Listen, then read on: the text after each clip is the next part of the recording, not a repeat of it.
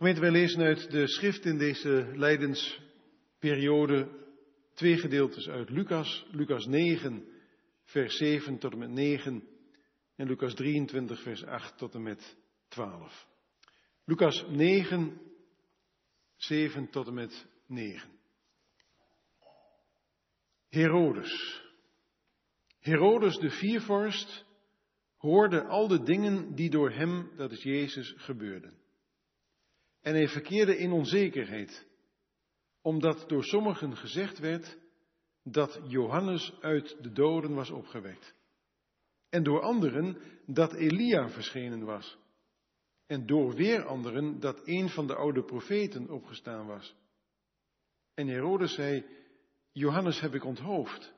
Wie is deze dan, over wie ik zulke dingen hoor? En hij probeerde hem te zien te krijgen.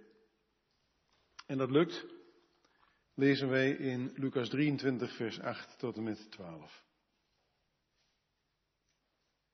En toen Herodes Jezus zag, werd hij erg blij, want hij had al lange tijd gewenst hem te zien, omdat hij veel over hem gehoord had. En hij hoopte een of ander teken te zien dat door hem gedaan zou worden. En hij ondervroeg hem met veel woorden, maar hij antwoordde hem niets. En de overpriesters en de schriftgeleerden stonden hem heftig te beschuldigen. En toen Herodes samen met zijn soldaten hem gehoond en bespot had, deed hij hem een sierlijk gewaad om en stuurde hem terug naar Pilatus. En op diezelfde dag werden Pilatus en Herodes vrienden van elkaar. Voor die tijd leefden zij namelijk in vijandschap met elkaar. De tekst voor de preek is uit het gelezen gedeelte Lucas 23. De eerste, eerste gedeelte van vers 8. Lucas 23, vers 8, eerste gedeelte. En toen Herodes Jezus zag, werd hij erg blij want hij had al lange tijd gewenst hem te zien.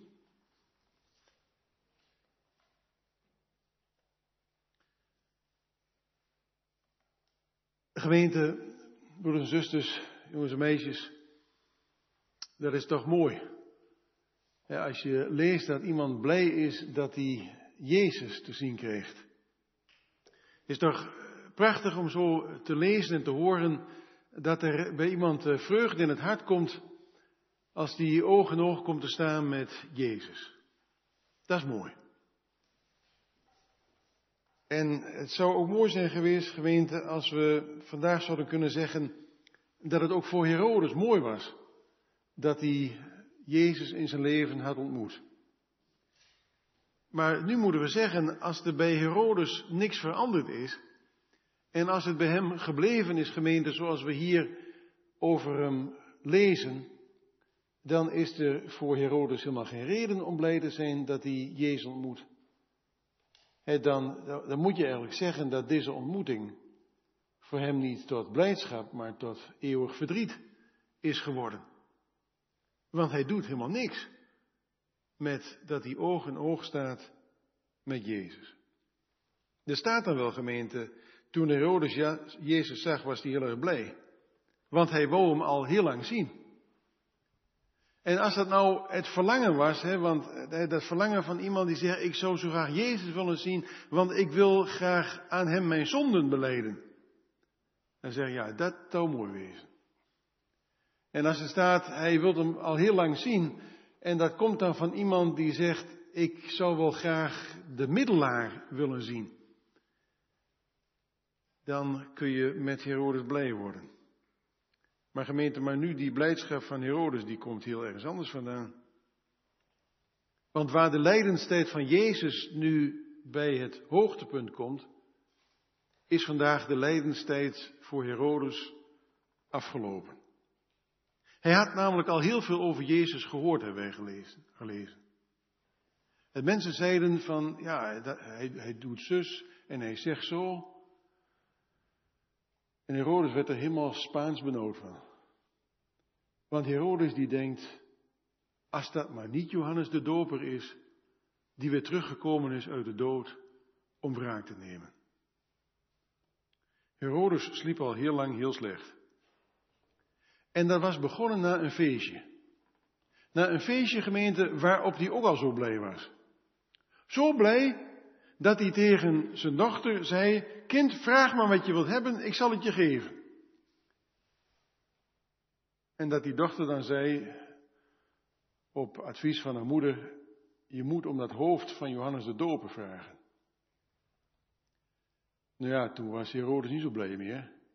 Hoewel, het gaf hem wel enige opluchting, want die Johannes de Doper, dat was ook wel een beetje een lastig mannetje. Want die had het maar steeds over dat Herodes in zonde leefde. Dat de vrouw, Herodias waarmee die leefde, eigenlijk helemaal niet zijn vrouw was.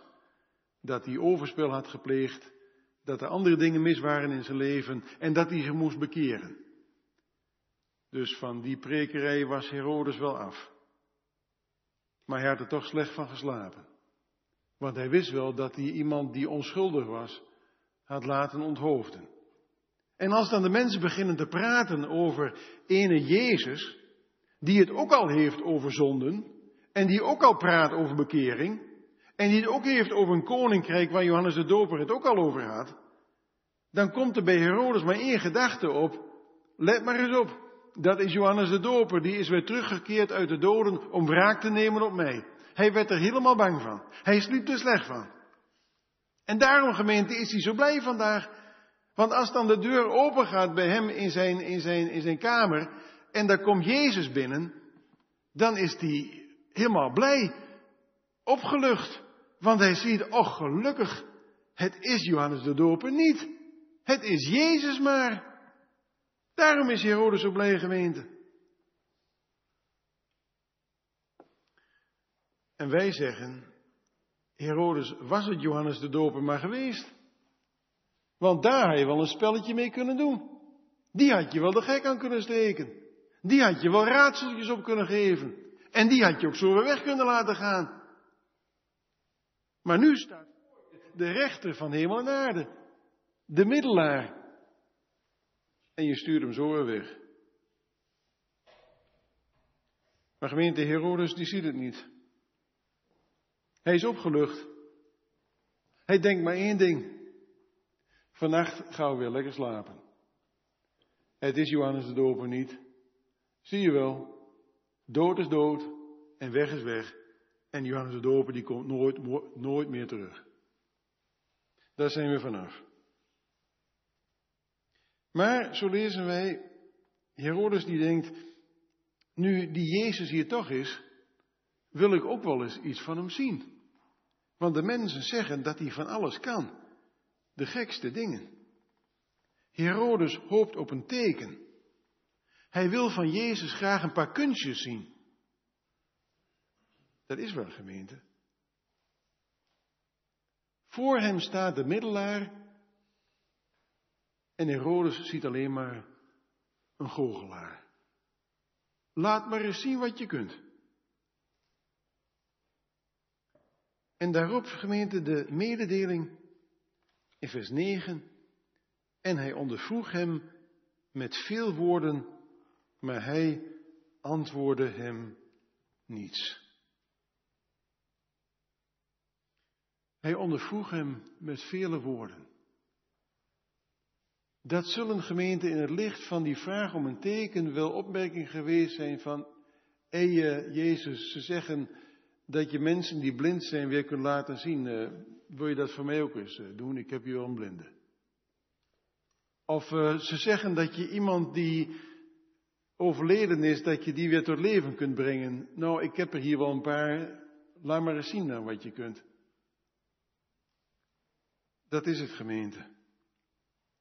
Hij ondervroeg hem met vele woorden. Dat zijn niet de vragen van iemand die op zoek is naar de zin van het leven. Dat is niet de vraag van iemand die zegt, maar u, Jezus, Zoon van God, vertel me eens, waar komen wij vandaan? Waarom zijn wij hier en waar gaan we naartoe? Dat zijn niet de vragen van iemand die zegt, ik zit hopeloos met mijn zonde en schuld. Wilt u mij zeggen, hoe kom ik daar ooit weer vanaf? De gemeente Herodes die vraagt om door Jezus vermaakt te worden. En niet om door Jezus geraakt te worden.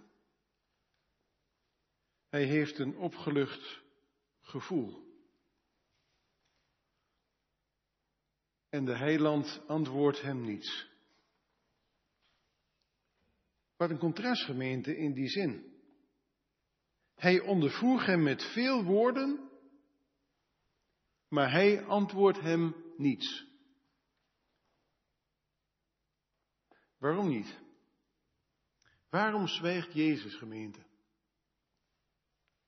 Ik weet niet, jongens en meisjes, hoe jullie dat hebben, maar ik had het als kind al, dat ik dacht van, Heer Jezus, zeg toch eens wat. Doe toch eens wat. In de hof van Gethsemane, als dan die soldaten op hem afkomen, en dan, dan komen ze in de buurt van Jezus en dan in één keer, dan slaan ze achterover van, van, van zijn macht en majesteit. En ik heb al gedacht bij deze geschiedenis, als dat verteld werd op school van, Jezus, zeg dan toch wat, dan, dan bent u er vanaf. Dan, dan kunt u weggaan. Verdedig u toch eens, doe toch eens wat. Maar Jezus zei niets. Waarom niet, gemeente? Er zijn twee redenen voor dat Jezus niks zegt. Het eerste is, hij heeft er geen tijd voor vandaag. We zijn hier in Lucas 23 op Goede Vrijdag. De dag van het sterven van Jezus. De dag die is afgesproken door de Vader, de Zoon en de Heilige Geest om op deze dag het offer te brengen dat ons de verzoening geeft, dat de verlossing is voor de zonden van de wereld. En er is niet veel tijd meer. Goede Vrijdag. Christus heeft geworsteld met het plan van God in de hof van Gethsemane, heeft gebeden, laat dit aan mij voorbij gaan. Maar dat gebed gemeente wordt niet verhoord en nu moet het dus gebeuren. Het is de tijd van God. En dat past ook, het is Pasen. Vandaag hier is het vrijdag, morgen stille zaterdag en dan zondag is de dag van de opstanding. Vandaag moet het gebeuren. Jezus heeft geen tijd te verliezen bij Herodes. Hij moet terug naar Pilatus. Hij moet terug naar een rechter. Hij moet terug naar iemand die op grond van het recht zegt, ik verklaar jou tot schuldig, ook al weet ik dat je onschuldig bent. Hij moet niet zo lang bij Herodes blijven. Hij moet terug naar Pilatus gemeente. Jezus heeft geen tijd voor gesprek. En daarom zegt hij niks. Maar er is een andere reden en die gaat veel dieper. Hij zwijgt gemeente omdat hij daar staat in onze plaats. In jouw plaats, in uw plaats en in mijn plaats. De Heer Jezus zou met gemak duizend en één redenen voor zijn onschuld kunnen aanvoeren. Hij zou zich gemakkelijk gemeente met een paar zinnen hebben kunnen verdedigen en vrij kunnen laten spreken. Maar hij zwijgt, omdat hij daar staat in onze plaatsgemeente. Hier staat hij zwijgend en leidend. Beschuldigingen die bestemd zijn voor ons, die komen op hem. Smaad en spot. Wat wij verdienden, neemt hij op zich. Hij zwijgt. En daarom gemeente, als ik nu zeg, Jezus verdedig u, dan zou daarmee mijn eeuwig heil voorbij zijn. Hij zwijgt en draagt de schuld voor ons. Dus vraag hem niet om zich te gaan verdedigen, maar het zou voor ons noodlottig zijn. Herodes. De gemeente van Herodes weten wij het een en ander. Onder andere dat hij was opgeleid in het Jodendom. Zijn vader had gezegd, als jij hier straks eh, de koning over de Joden moet zijn, over die mensen moet regeren, dan moet je wel een beetje weten hoe ze elkaar zitten, wat hun gebruiken zijn en wat hun religie is. Dus Herodes die was thuis, dat weten wij in het Oude Testament en in het geloof, de theologie van de Joden. Nou, Herodes hier gemeente, hij hoopt op een teken. Hij hoopt op een teken en hij ziet hier voor zich een Jezus die zich niet verdedigt, die zijn mond niet open doet. Hoor je dat? Herodes, jij wilt een teken. maar jij krijgt ook een teken. Herodes, hier staat voor jou het teken dat weersproken zal worden, zegt de schrift. Herodes, jij, jij, jij, jij zult de, de lofzang van Simeon misschien niet kennen, maar je kent wel het Oude Testament. En dat is gemeente zo toch onze vraag aan Herodes en Herodes, maar gaat er bij jou nog geen lichtje branden? Als daar voor jou staat iemand die al drie jaar verkondigt dat hij de Messias is, de Messias van Israël, dat hij de beloofde is, dat hij gekomen is om te boeten voor de zonden en de schuld van het volk. En als die nou voor jou staat en hij doet zijn mond niet open, als een schaap dat stom is voor de scheerders, als een lam dat zwijgend naar de slachtbank wordt geleid. Herodes, jij wilt een teken, maar jij krijgt ook een teken, maar je ziet het niet. Dit is de Messias die voor je staat. Niet een goochelaar, maar de middelaar.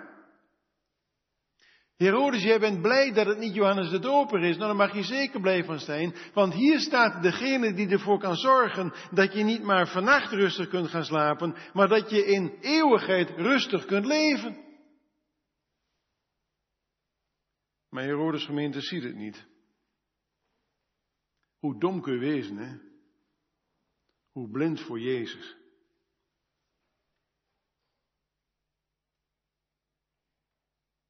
Maar gemeente, zien wij het wel? Zie jij wel goed wie Jezus is? Ziet u wel, broeder, zuster, dat hij dit allemaal over zich heen moet laten gaan om uw, jou en mijn zonden? Je kunt het erg vinden wat ze allemaal met hem doen. Maar het is zo erg om wat ik gedaan heb. En niet om wat anderen deden. Gemeente, wij die misschien denken dat wij het nog wel aardig doen. Wij horen wel dat wij zondige mensen zijn, maar geloof je dat nou echt? Als je vergelijkt dat met wat andere mensen in deze wereld allemaal uitspoken. Hij heeft daar ook voor ons gestaan, gemeente, geleden en gezwegen. Herodes wil een teken en hij krijgt een teken, de zwijgende Jezus, maar hij legt niet de link met Jezaja 53. Wij krijgen ook een teken, gemeente, elke zondag in de kerk. Niet een zwijgende Jezus, maar een sprekende Jezus. Die u, jou en mij oproept en zegt, geef je leven aan mij. Laat me je rein wassen van zonde en schuld. Volg mij op mijn weg en leef in eeuwigheid. Jezus hoeft niet meer te zwijgen, gemeente, want hij heeft alles volbracht. En sindsdien spreekt hij. En wat zegt hij dan? Wat is zijn eerste woord, gemeente, op de eerste paasdag? Shalom, vrede. Dat is niet een goede dag. Dat is, er is vrede met God mogelijk, gemeente. En daarom een vraag vanuit deze zwijgende en nu sprekende Jezus. Hoe zit het tussen de Here en jou? Hoe is het tussen God en u? Hij spreekt nu. En laten wij niet zwijgen, gemeente, ook al kunnen wij in deze situatie niet veel zeggen, maar zeg het dan met je hart. Heer Jezus Christus, ik prijs u dat u dit ook voor mij heeft gedaan. Heer Jezus, help mij om weer goed zicht op u te krijgen. Heer Jezus, bewaar mij ervoor dat ik zou denken dat ik uw werk aan het kruis niet zo hard nodig heb als menig ander. Jezus zwijgt. En dan gemeente, als die zo staat te zwijgen, dan komen de overpriesters en de schriftgeleerden in actie. Want die denken, dat gaat niet goed zo. Wij moeten van die Jezus af. En als die niks zegt, dan gaan ze hem straks nog vrijspreken ook. Het is een bijzondere vertoning, gemeente, hier in die, in die, die paleiszaal, of die zaal waar die Herodes maar zit. Herodes die, die, is, is opgelucht als iemand die, die bij de tandarts is geweest en te horen heeft gekregen en van het is allemaal goed, komt u over een jaar maar weer. En die zegt, doe maar een paar kunstjes. En dan komt de haat van de schriftgeleerden en de overpriesters, die van alles aanslepen en aanhalen, gemeente, om toch maar een veroordeling van Jezus voor elkaar te krijgen. Aparte vertoning. Een blije en opgeluchte Herodes en een club schriftgeleerden, een overpriesters vol met haat.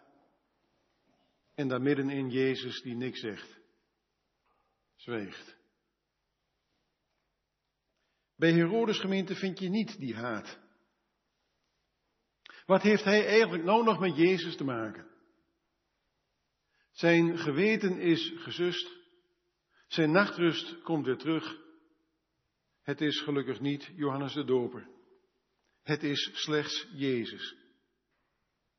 Herodes vindt het ook wel een beetje grappig. Want hij snapt niet dat de mensen zich zo druk maken over die Jezus. Dat er zoveel mensen achter deze man aanlopen. Want wat is het nou, die Jezus? Hij staat hier, hij doet niks, hij zegt niks. Het is ook niks. Dat staat er, hè? Dat Herodes hem hoont en bespot. Hoon. Daar zit in het woordje niets. Dat is doen alsof iemand niks voorstelt. Dat is wat je bij Herodes aantreft, gemeente. Ach, Jezus. Hij zegt niks. Hij doet niks. Het is ook niks.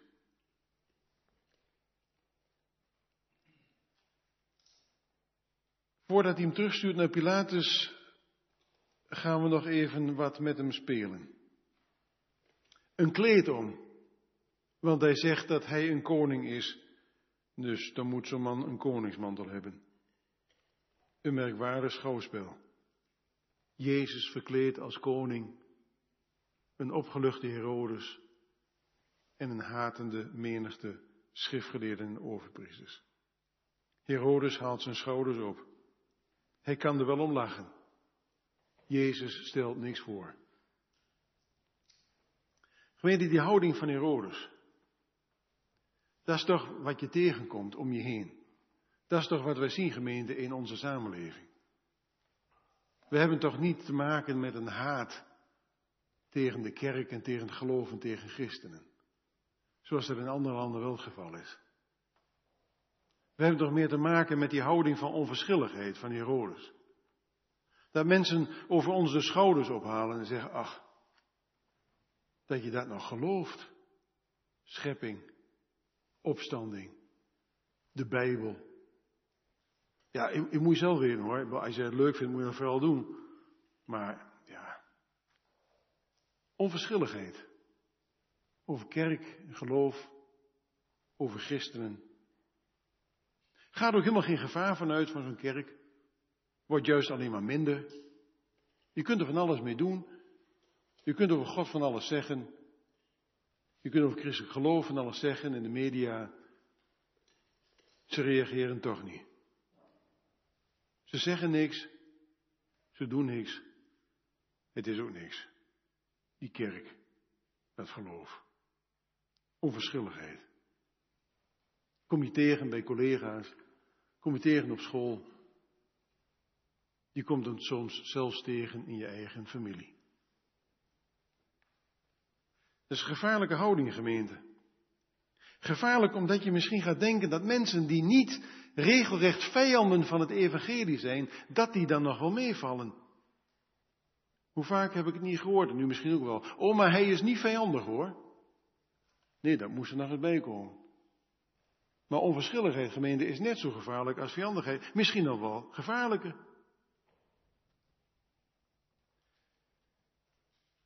En misschien ga je denken dat het ook voor een deel wel zo is. Waar maken wij ons eigenlijk druk over?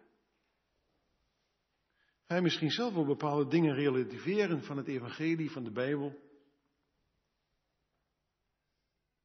Gemeente, iemand die niet vijandig is,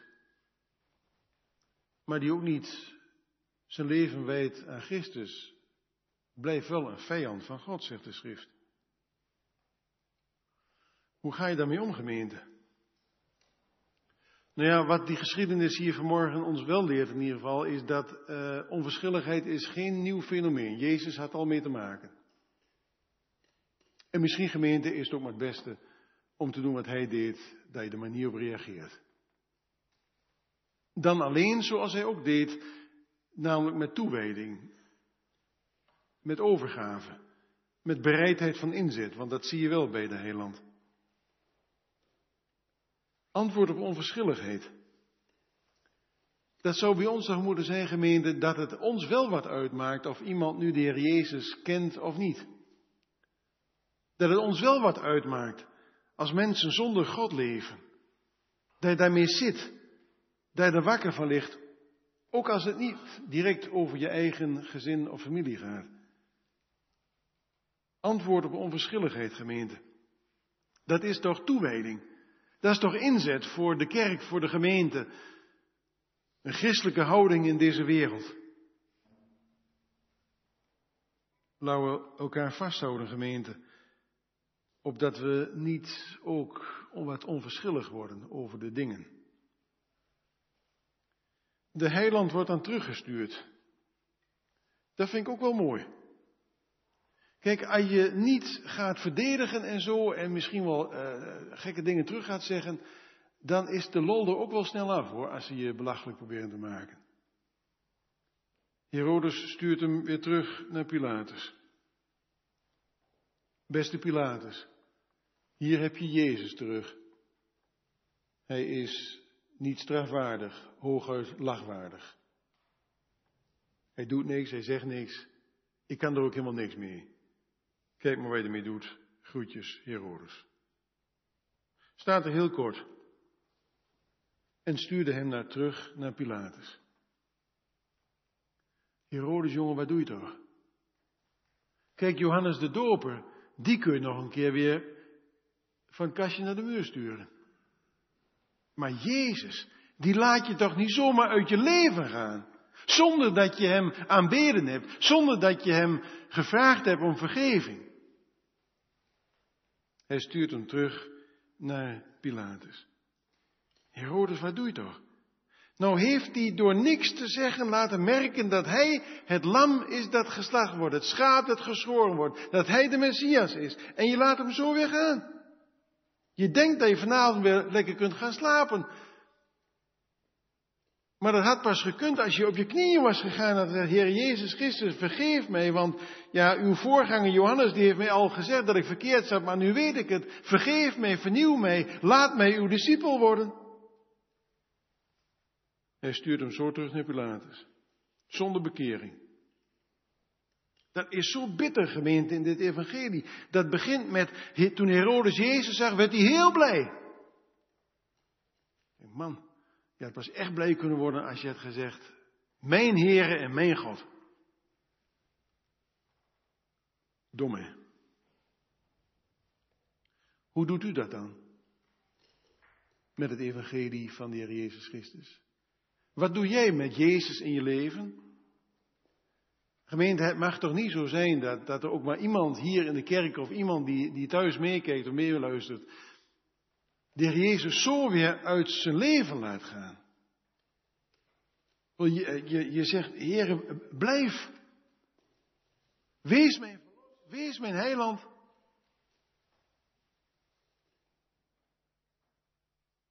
Zo kun je getroffen zijn, gemeente, om de beslissing van Herodes. Maar het gaat niet over Herodes. Het gaat niet over Jezus en Herodes. Het gaat over Jezus en u. Hoe sta je erin? Weet je wat mooi zou zijn, gemeente, als, je nu, als we nu met elkaar zouden zeggen, en ieder voor zich, hè, hier in de kerk en ook thuis, met vers 8. Toen ik in de preek Jezus zag, werd ik in één keer heel erg blij. Maar, gemeente, het lijkt wel, het is net een film, het lijkt wel alsof het op een happy end uitloopt. Want dat laatste vers, dat is dan toch wel weer mooi. Vers 12. En op diezelfde dag werden Pilatus en Herodes vrienden van elkaar. Voor die tijd leefden zij namelijk in vijandschap met elkaar. Daar is toch wat, hè? Die twee die hadden ruzie over wie is nou eigenlijk de baas hier. En dat ging er stevig aan toe. En Herodes zei, ja, maar ik zit hier namens Rome. Ja, zei Pilatus, maar ik ben hier de rechter. En wat gebeurt er nu? Dat Pilatus zegt tegen Herodes, Herodes hier, Jezus, jij bent hier de baas, oordeel jij er maar over. En Herodes zegt, ah nee, nee, nee, nee, nee, doe, doe jij dat nou maar. Ah, en toen was het voorbij met de ruzie. Want ze hebben elkaar erkend in hun gezag. Is toch mooi, hè? Twee mensen die met Jezus in aanraking komen, niks van hem geloven trouwens, maar die toch via zo'n ontmoeting weer vrienden worden van elkaar. Maar waarom staat dat hier, gemeente? Ik denk dat Calvijn dat wel heel goed gezien heeft bij deze tekst. Calvijn weet wel waarom het er staat. Calvijn zegt, als ongelovigen in de ontmoeting met Jezus vijand van Christus blijven, maar vrienden van elkaar kunnen worden, dan is het onmogelijk dat gelovigen vijanden van elkaar zijn en niet vrienden van elkaar worden. Calvin zegt, als hier twee ongelovigen in hun vijandschap tegenover Jezus van vijand vriend van elkaar worden, dan is het onmogelijk dat mensen die geloven in de Heer Jezus Christus vijanden van elkaar zijn. En gemeente, en zegt dat bij deze tekst, omdat Calvijn zich inzet voor de eenheid van de kerk. Twee ongelovigen gemeenten worden op het paasfeest, op Goede Vrijdag, vrienden van elkaar terwijl ze vijanden waren. En wij gemeente, als volgelingen van Jezus Christus, als mensen die gereformeerd willen zijn, of hervormd of reformatorisch, hoe je het maar wilt noemen.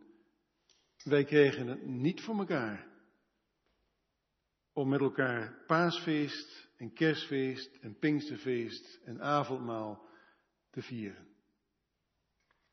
Hoe kan dat, gemeente? Mensen die zeggen, ik ben een vriend van Jezus. En toch kerkelijk gescheiden optrekken alsof we vijanden van elkaar zijn. Gemeente, die mededeling van de evangelist Lucas is voor ons reden om ons te schamen over de kerkelijke verdeeldheid. In dit land hebben we een verkiezing meegemaakt, gemeente, dat wordt er niet beter op voor ons. Dat is toch onbestaanbaar dat we als kerken die op dezelfde gereformeerde belevenis staan, niet bij elkaar kunnen komen. Het moet niet zo wezen, gemeente, dat straks op de jongste dag de heiland tegen ons zegt, waarom kregen Herodes en Pilatus het wel voor elkaar, terwijl ze vijanden van mijn bleven en hebben jullie het niet voor elkaar gekregen? Gemeente, zo mag dit evangeliewoord ons blij maken. Dat de Christus dit alles voor ons heeft willen leiden. Het mag ons tot ernst manen om heel serieus met deze boodschap van Christus om te gaan. En het mag ons aanzetten tot ijver voor eenheid van de kerk van Christus. Want als Hij dat gemeente in ons leven ziet, dan wordt Jezus heel blij. Amen.